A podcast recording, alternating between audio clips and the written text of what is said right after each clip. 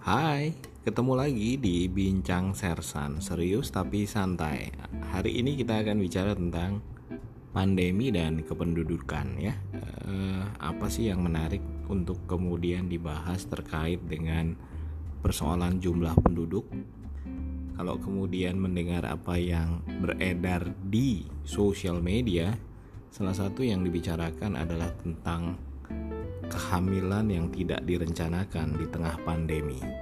Jadi ada semacam meme uh, negatif COVID tapi positif hamil. Apakah kemudian akan timbul satu situasi yang dinamakan sebagai baby boom?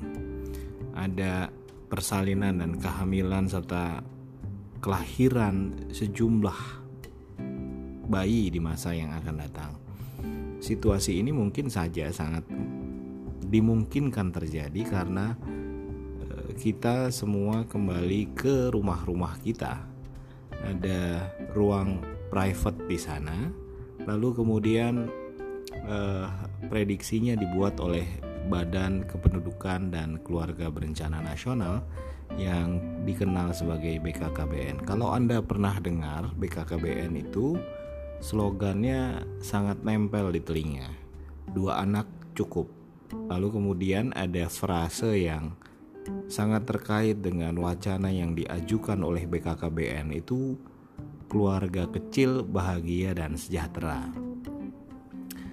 Sebelum kita masuk ke kependudukan dan pandemi, BKKBN telah membuat satu simulasi berdasarkan tingkat penggunaan alat kontrasepsi dalam durasi tiga bulan masa karantina sekurang-kurangnya diproyeksikan ada sekitar 400 ribu kehamilan baru.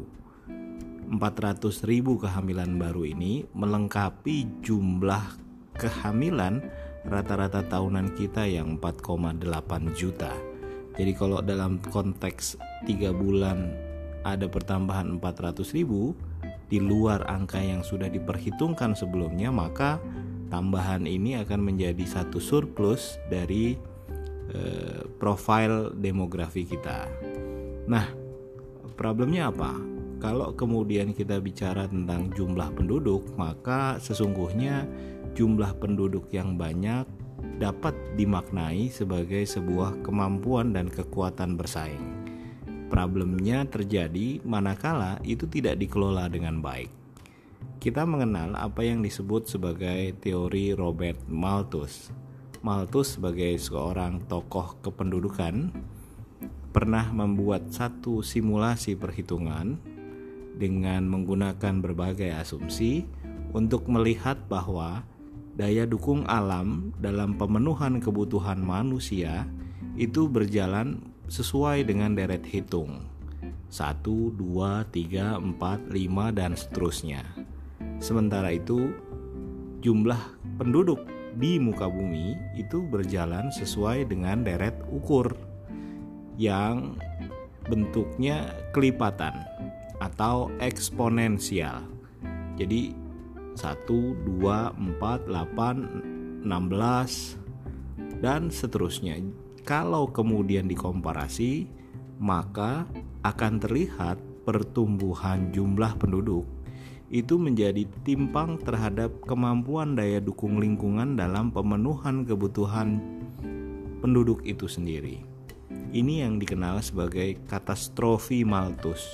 Ada situasi bencana dan malapetaka ketika jumlah manusia begitu banyak, sementara kemampuan alam untuk memenuhi kebutuhannya itu terbatas.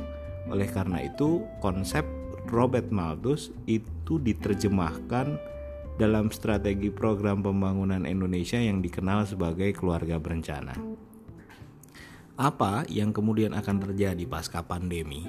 Kita tentu tidak berharap kelahiran ini menjadi bagian dari kehamilan yang tidak diinginkan karena kehamilan itu berkah.